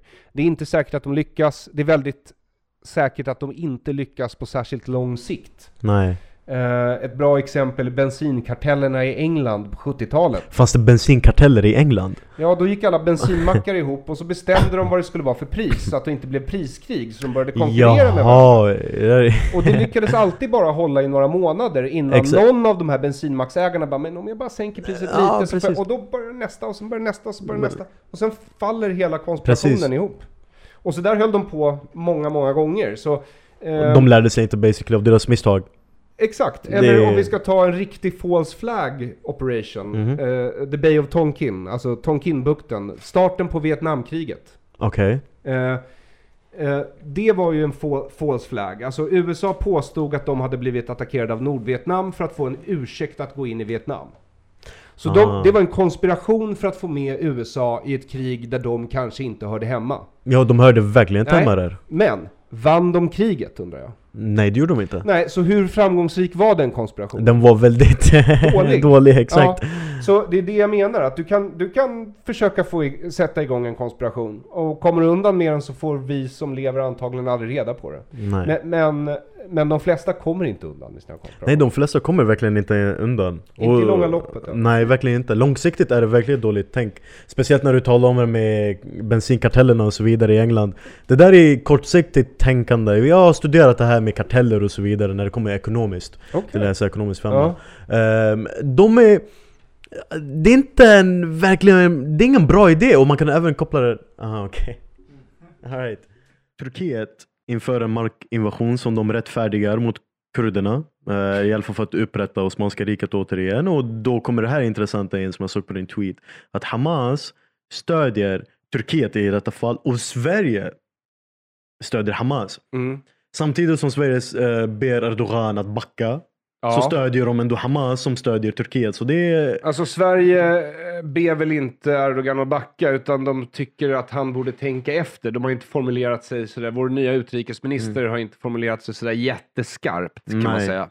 Eh, men eh, eh, ja, alltså vi stöder väl inte Hamas direkt, men vi stöder massa organisationer som är Hamas-anknutna, okay. gör Sverige. Och sen så är det så att människor som är med i vårt regeringsparti, Socialdemokraterna, gillar ju att fotas med ledare från Hamas.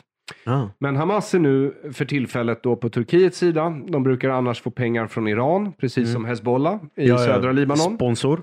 Ja, så den situation vi har i Mellanöstern nu, det är Eh, gamla Isis-krigare och al-Qaida som stöds av Erdogan, som ska ja. kriga mot kurderna då, som håller massa gamla Isis-krigare fångna.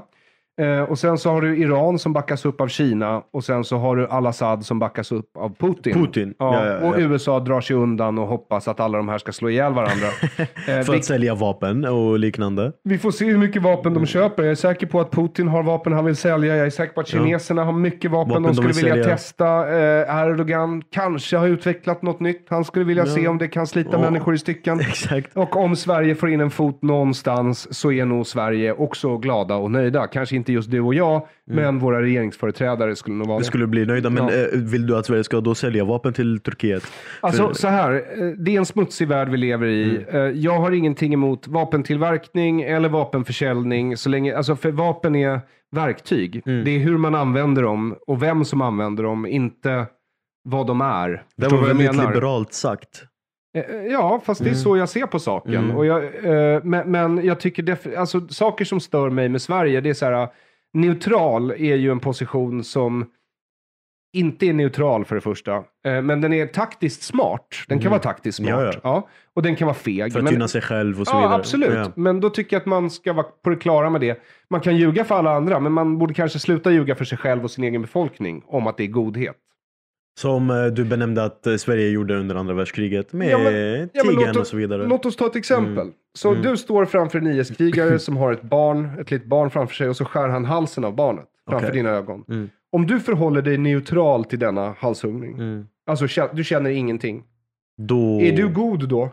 Jag vill verkligen, nej det är jag inte. Nej, det är klart att du inte är. Du är neutral. Exakt. Ja, jag, jag, jag du bryr dig inte. Precis. Ja. Och det här är vårt Så hur kan neutral vara god? Det kan ju det, inte. Det kan nej, det går inte. Så tystnadskulturen, om vi kan sammanfatta detta. Tystnadskulturen ja. har ju med det här att göra. Absolut. Det är att vi, att vi står tysta och att vi då förhåller oss neutralt. Det är väldigt dåligt.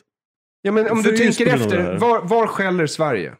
Sverige är alltid bra på att skälla på Israel. Mm. Och Israel med sina fel och brister är en västerländsk demokrati, eller mm. försöker vara. De skäller jättemycket på USA och Trump. Ja. Eh, men de skäller aldrig på Iran. De skäller, de skäller verkligen inte på Turkiet. Nej. De skäller inte på Saudi. De skäller inte på Kina. De skäller inte på Putins Ryssland. Nej. Nej not to his face anyway. I alla fall eh, de är rädda för Putin och, och, de är. Det här har att göra med en tradition. Mm. Eh, som min, min vän Johan Westerholm på ledarsidorna kallar för halvhumanism. Eh, mm. det vill säga att Sverige, ja de ursäktade ju nazisterna. Mm. De, de, de var ju inte riktigt på Eh, de allierade sida. De var Nej. lite mer på Tysklands sida än vad de var på de allierade sida. Och sen låtsades de som att det inte alls var så. Och så där har det har liksom, antingen så var det så innan, eller så har det blivit ett kulturellt drag, eller bara en regeringsstrategi som fortsätter. Det vill säga att man är väldigt bra på att skrika på demokratier som har misskött sig, men diktaturer ursäktar man nästan alltid. I Sverige gör det i alla fall. Ja. Nu, nu när jag tänker på Iran um, och det, deras regim är ju en väldigt hemsk regim mm. som styr med Ayatollah Khamenei och Rouhani Hassan som styr. Uh, där har vi uh, deras utrikesminister. Jag såg han nyligen. Han var i Sverige mm. och kramades. Med Margot Wallström? Ja. Precis. Eller, ja, hon, Eller, hon tog hennes, inte i hand. Men, ja. För eh, hon sa att jag tog inte i hand, för Nej. iranier tar inte, tar inte i hand. hand. Men även vissa männen, iranier tar ju i hand. Ja, vissa iranier tar i hand. Ja, precis, men jag tänker så att jag såg också men han, en video. Han var här för att få ihop, Han var här och i lite andra europeiska städer som tog emot honom för att få support för sin sak såklart. För och, sin Sver och Sverige bara genom att ta emot honom gav ju det supportet. Det är ju uppenbart. Vilket jag blev väldigt chockad för. Om vi ska förhålla oss neutralt mm så ska vi inte ta emot sådana där människor, ty tycker jag. Inte på den nivån nej, i alla fall. Nej. Pre nej. precis, vi får inte segregera dem för vi måste höra vad de har att säga. För alltså, jag finns... tycker man ska prata med alla, men, men, vilka signaler man skickar ut är viktigt. Exakt. Och om du låter de högsta regeringsföreträdarna träffa varandra, då är det som att vi är kompisar. Ja, och kramas och så vidare. Så ja, det exakt. Medan mm. om det är på lägre nivå, där vi inte ser det och pressen inte skriver om det, då är det bara diplomatiska kontakter. Exakt. Det är liksom inte något konstigt. Eh, men i det här fallet så har jag en känsla av att det var en och annan iranier i Sverige som blev lite förbannad. En iranier? En och annan iranier okay. måste ha blivit lite förbannad i ja, Sverige. definitivt, för de har ju flytt landet för att finna frid, finna ja, trygghet och inget förtryck från deras regim. Och så kommer de hit och så ser man att ja, men den här staten som tog emot dem visar respekt till just Irans regim, till ayatollah Khameneis Representant, ja. Mm. Och ja, representant och då deras utrikesminister. Vilket jag stör mig väldigt mycket på som irakier och som eh, ja, men svensk. Ja, alltså, det, det, det, det, tror jag inte du är ensam om. Jag tror ja. att det fanns en hel del så kallade etniska svenskar som också eh, störde sig, väldigt, störde sig. Ja, väldigt mycket ja. på det här. Och, eh, men, men det är så här Sverige är. Ja, lite. Eh, faktiskt. Eh, det är väldigt eh, lögnaktigt och eh, gillar att utmåla sig själv som gott. Eh, mm. Men är egentligen någon sorts halvskurkstat. Precis som de flesta. Men de flesta har självinsikt och mm. kan mm. skämta lite om det. Och det är faktiskt... Eh, Läskigt? Ja, fast också lite charmigare. Därför uh -huh. att på något sätt så är det ändå skönare med en idiot som kan erkänna att det är en idiot. än en idiot som inte har någon aning om att det är en idiot. -huh. eh, därför att det är riktigt farligt. Ja, ja det där är ännu farligare faktiskt. Ja. Det där är ännu farligare. Så, uh, så det är väl, eh, så det var det jag menade med den där tweeten i alla fall. Det är att liksom våra skattepengar går ju på riktigt till Hamas. Exakt. Hamas stöder Erdogan. Vi har eh, skeppat iväg eh, otroligt mycket människor till Isis. Och mm. vi har låtit insamlingar till den här typen av islamistiska organisationer pågå i Sverige med myndigheternas goda minne.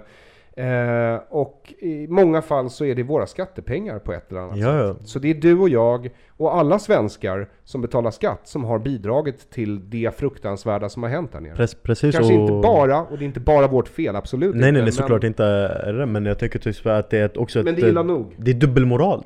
Ja det är det också. Det, det är dubbelmoral, för jag blev faktiskt irriterad på hur Sverige skötte det här med att de avbröt vapenavtalet med Saudiarabien Och sedan supportar de Irans regim Och då tänkte jag, men vänta lite Alltså det här är ju så dubbelmoraliskt som det bara går Och eh, då för, jag förstår inte det varför Hur vänstern, nu säger jag inte att det är vänsterpartiet utan själva inriktningen, mm. socialismen mm. I Sverige respekterar ett sådant regim.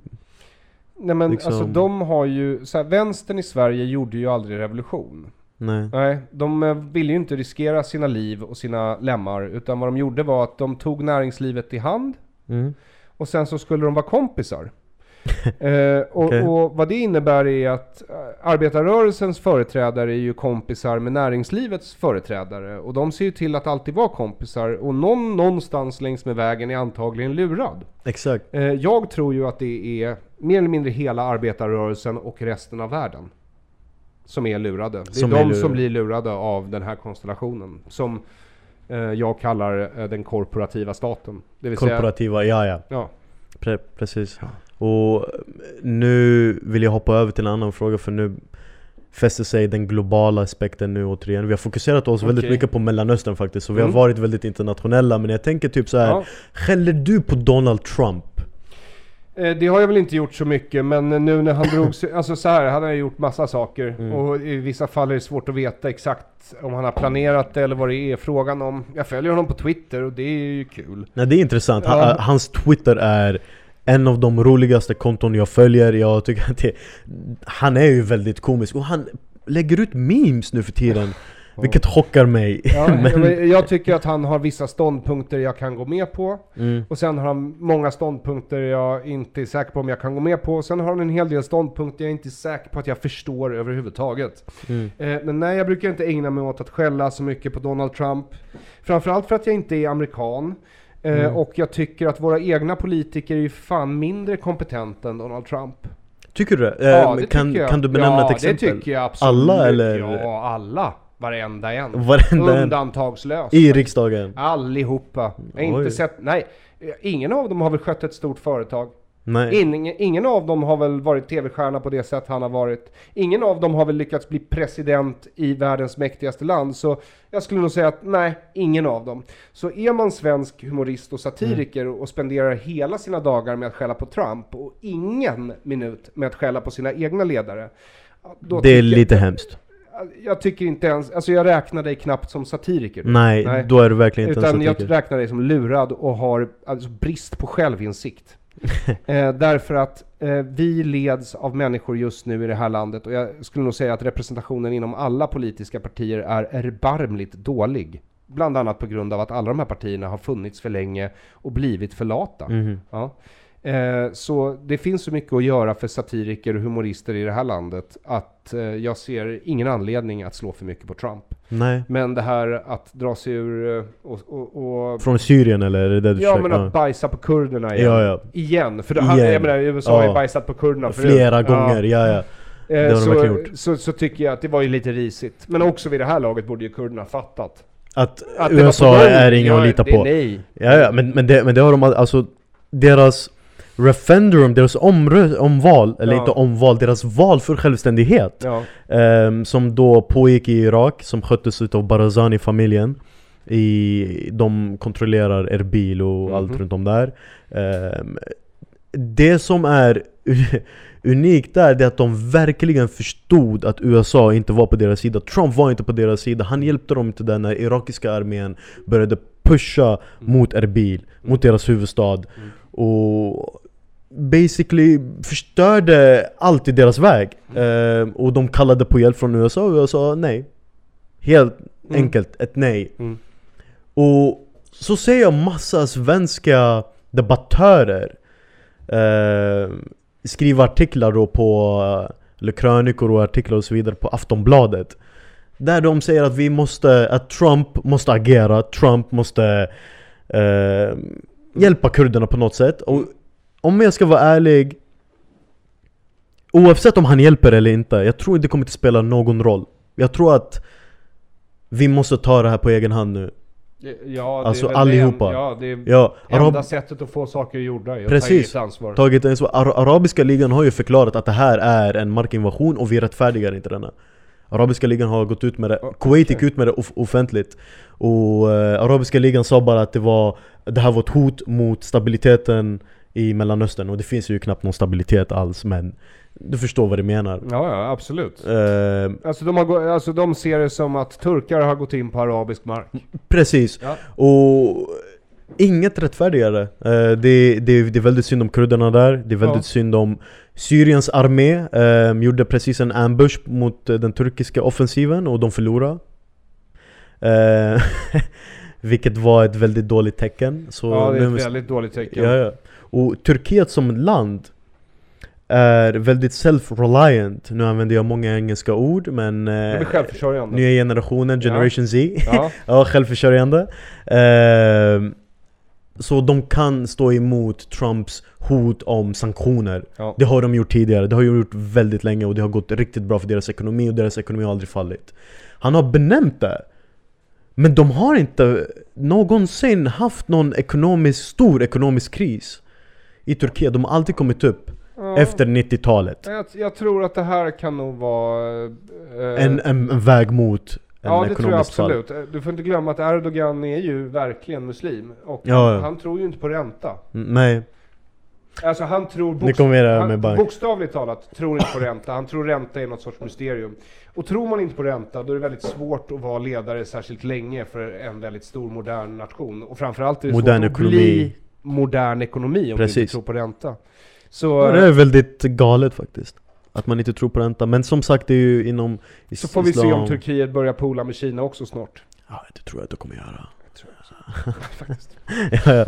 Jag, jag, jag, jag, tror att typ hela den här delen som typ Ja men nästan alla förutom Saudi i det området kommer att hålla på med Ryssland eller Kina ja. Av någon form Ja. Och Saudiarabien såklart, de har ju ställt sig sida vid sida med Israel. Men det var det jag tänkte förutom stackars kurderna nu när Erdogan gick in så tänkte, och, och Trump drog sig ur så tänkte jag ja, ja men då har Kina vunnit då. ja, ja. Nu, nu, är de, ja, Pre de precis. Och, och jag tänker på det här med trade deal. Det här, eller trade deal, okej okay, men det har funnits trade deals mellan USA ja. och Saudiarabien, absolut Men jag tänker på the trade war, det var det jag ville komma fram till Mellan Kina och USA ja. För det här har ju egentligen väldigt mycket att göra med Mellanöstern Jag tror faktiskt att i, i the bottom line De försöker koppla det här med Mellanöstern USA försöker eliminera Kina från att hjälpa Iran mm. och liknande Och det har påverkat världen, men tänker de inte på, på världen? De tänker på sig själva, eller hur? De tänker, all, varenda stat tänker ju på sin överlevnad De är ansvariga framförallt för sina egna medborgare Precis, mm. och det är därför jag vill anse att, eller tala ut och förmedla detta till den svenska befolkningen Att folk faktiskt är egoistiska ja. Oavsett om du är så moraliskt perfekt, vilket du inte kan vara mm. Så är du egoist Ja, nej men alltså det... jag tror att du har helt rätt i det. Mm. Uh, Ylva Johansson, vår EU-kommissionär, hon mm. sa ju ordet tvingande solidaritet. Tvingande solidaritet? Det där är inte solidaritet, solidaritet kan ju inte vara tvingande. Exakt. Det är ju kamratlig lojalitet, basically, att man ställer upp gratis och villigt för varandra. Exakt. Men uh, uh, hon använde ord som tvingande solidaritet då om att alla EU-länder ska ta emot lika mycket. Så jag tror att även om stora delar av arbetarrörelsen i Sverige kanske är lurade och tror mm. sina ledare när de snackar om solidaritet, så tycker jag att det är uppenbart att deras ledare vet ju att de ljuger. Ja, mm. de ljuger definitivt. för sina väljare och de ljuger för sin omvärld. Som eh, bland annat Annie Lööf, eh, som jag har hört att du har diskuterat om, att hon är att hon har varit, eller fortfarande är kanske, en lögnare Ja, ja alltså, det är väl tveklöst. Hon gick ut och sa att hon aldrig skulle samarbeta med sossarna. Och sedan och nu förde hon fram... Med sossarna. Ja, hon förde fram en uh, ja. regering, en socialdemokratisk ja, regering. Exakt. Väldigt så, unikt.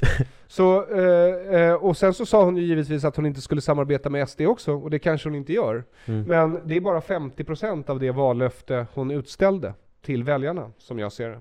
Så det gör henne till en lögnare, för man kan antingen berätta hela sanningen, mm. eller så ljuger man. Mm. Okej. Okay. Så eh, anser du, hon, anser du att hon bör äta sin skor som hon utlovade för många år sedan? Eh, jag tycker att man ska leva upp till sitt ord. Så mm. har man lovat att äta sin sko, då tycker jag att ja, då faktiskt kan hon ta och äta den skon. Hon kan ju lägga den i, i lite buljong, grönsaksbuljong en vecka eller något, så kommer den säkert att mjukna lite. Om man skär den i tillräckligt små delar. Eh, om hon ville då arbeta upp det förtroende som hon anses ha förlorat hos väljarna. Mm. Men det är också så att eh, Centerpartiets stora uppgång i det här senaste valet mm. är ju framförallt urbana, välutbildade tjejer som ja. bara som tycker att det är väldigt viktigt att verka goda. Och det är ju precis de röster Annie Lööf har fiskat efter. Eh, mm. Eh, och nu när de ser att hon kanske inte kan leva upp till alla de här goda sakerna hon har lovat, ja då kommer väl de fly till något annat parti. De kommer förlora förtroende? För ja, partiet eller för Annie Lööf? De flyttar väl över till Vänsterpartiet, där har de ju den där Jonas Sjöstedt som lovar glass mm. till alla. eh, så ja, det är väl... Eh, alltså de, de kommer gå dit eh, Instagram säger att här är det fräschast frukostar och mest ekologisk avokado. Men, typ.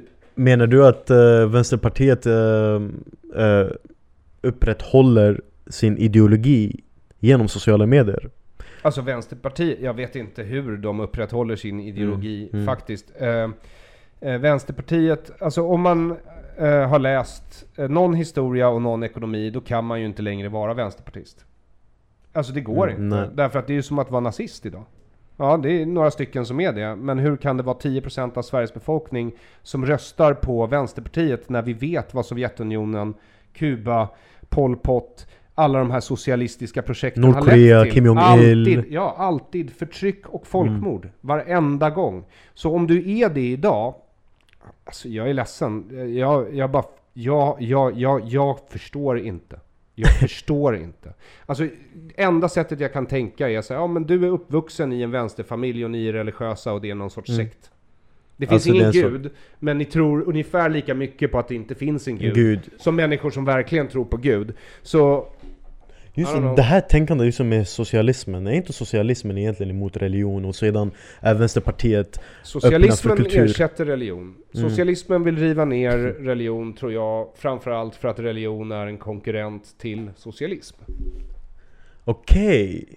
Som jag så... ser det så liberalismen förespråkar religionsfrihet, vilket Precis. betyder att du får vara ateist, eller muslim, eller jude, mm. eller bahai, eller whatever. Spelar ingen roll. Ja, och det här med Liberalerna, att de är liksom emot, uh, eller ja, Centerpartiet är emot om, omskärelse och sen har Liberalerna, de är emot hijab mm. och liknande. Mm. Är, är de här ens liberala partier? Nej. De är inte liberala Nej, partier? det finns inga liberala partier i Sveriges riksdag. Finns det några liberala partier i Sverige utanför riksdagen? Eventuellt Medborgerlig Samling och Klassiskt Liberala Partiet vill ju verkligen ha ett, en liberal konstitution. Mm. Eh, men om du undrar hur man blir av med kollektivismen i Sverige, det tror inte jag man blir. Däremot så tror jag att man kan ha ett politiskt system som främjar individualism för att motverka de kollektivistiska tendenserna. Och det har vi verkligen inte, utan mm. vi har en grundlag som förstärker de kollektivistiska tendenserna och fokuserar mer på grupprättigheter än på individuella rättigheter. Okay. Om, om man inte förstår varför yttrandefrihet är viktigt och äganderätt, mm.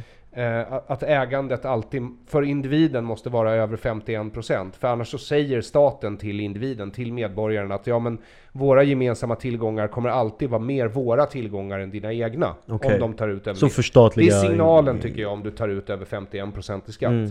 Så, eh, så, eh, och äganderätt är viktigt därför att äganderätt har med din inställning till materia att göra, till mm. sådana här saker. Mm.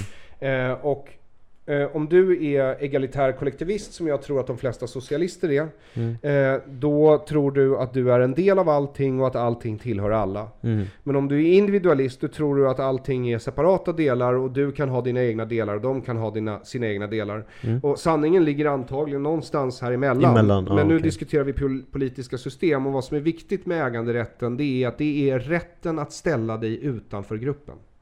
Det är vad det är. Rätten att ställa mig utanför gruppen. Ja. Religionsfriheten är rätten att ha fel. Mm.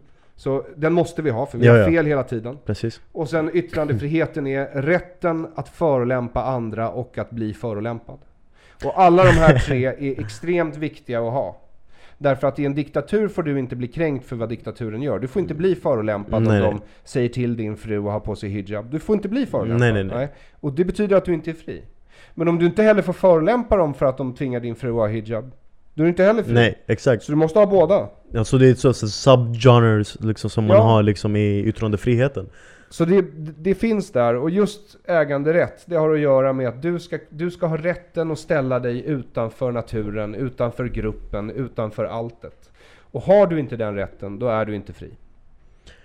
Och enligt en grekisk filosof, jag tror att det var Aristoteles, och han sa att om du befinner dig utanför the polis, som man då benämnde stad med, metropolis och liknande, som det är ord som kopplas till det. Om du är utanför polis och är i naturen, och du är själv, alltså utanför gruppen, då är du ingen människa. Då är du ingen individ. Ah. Vad tycker du om detta? För det här det här är ju emot det du säger. Du säger att man ska stå Alltså utanför Var det inte gruppen. Aristoteles vars definition av människa också var eh, fjäderlöst, näbblöst djur? Eh, med platta tånaglar. Jag har för mig att det var det. Jag tror det var eh, Så jag håller ju inte med Aristoteles i utgångspunkten. Nej. Eh, och jag tror att människa är en... Det är klart att det har med socialisering och kultur att göra. Det har mm. det absolut. Ja. En människa isolerad i skogen, om den överlever, blir ett djur och mens. Ja, precis. Eh, men jag tror ändå det är viktigt att vi inte bara ska se oss som delar av en grupp. För mm. vi är mer än delar av en grupp. Vi är individer också. Mm. Och erkänner vi inte det så får vi aldrig möjligheten att ta reda på vad det innebär. Det vill säga mm. vilka personliga egenskaper vi har och vilka känslor och tankar som är unikt våra. Exakt, eh, och, och det här innefaller ju vår biologiska inställning. För jag tror väldigt starkt på att eh, vårt undermedvetna förhåller sig väldigt starkt till vår vardag. Och vi tänker inte ens på, på det. Nej. Men folk här, liksom just nu, i nutida världen, så börjar vi glömma att vi faktiskt är beroende av naturen. Och nu tänker jag inte på så climate change, nu tänker jag på vår biologiska inställning. Det är att vi, om du tar en blond kille från Solna och placerar honom i Irak. Mm, Då kommer den undermedvetna att synas, den kommer att speglas. Då kommer han bli förbannad, mer ilsken. Han kommer befinna sig i ett samhälle som är nästan i krig just nu på grund av revolutionen som försiggår just där, där just nu. Då kommer hans fula sida fram. Mm. Men det är egentligen inte en ful sida, utan det är faktiskt människans rätta sida kommer komma fram. Det är egentligen vad människan är inställd till. Det är där, vi, vi har en objektiv värld och så har vi en subjektiv värld. Och den subjektiva är, det, det är den målade världen. Mm. Ett land är inget land om det inte vore för oss. Att andra individer hade sagt att men det här är ett land, det, här är en, det är en gräns här som säger att det här är Sverige. Mm. Och det är beroende utav andra individer. Ja. Så vi har skapat den här subjektiva världen, men den objektiva den finns där och vi håller på att glömma den. Så just nu håller allting på att bli väldigt subjektivt. Och det är där jag börjar bli för rädd. För där kan det spåra. Där, jag tror faktiskt att det var det som hände under andra världskriget med Adolf Hitler och så vidare. Att man... Eller det kanske var objektivt. Nej. Du har helt rätt. Det var väldigt, det, var, det, det som hände under andra världskriget, framförallt nazisterna, men även kommunisterna var väldigt bra på det. Det var att de gjorde myt. My- Okej, ja. Myt av sin berättelse. Av de, den berättelse, den politik de ville genomföra, den gjorde de en myt av. Den Mm. Ja. myten hade ingenting med logos, alltså med verkligheten Nej. att göra.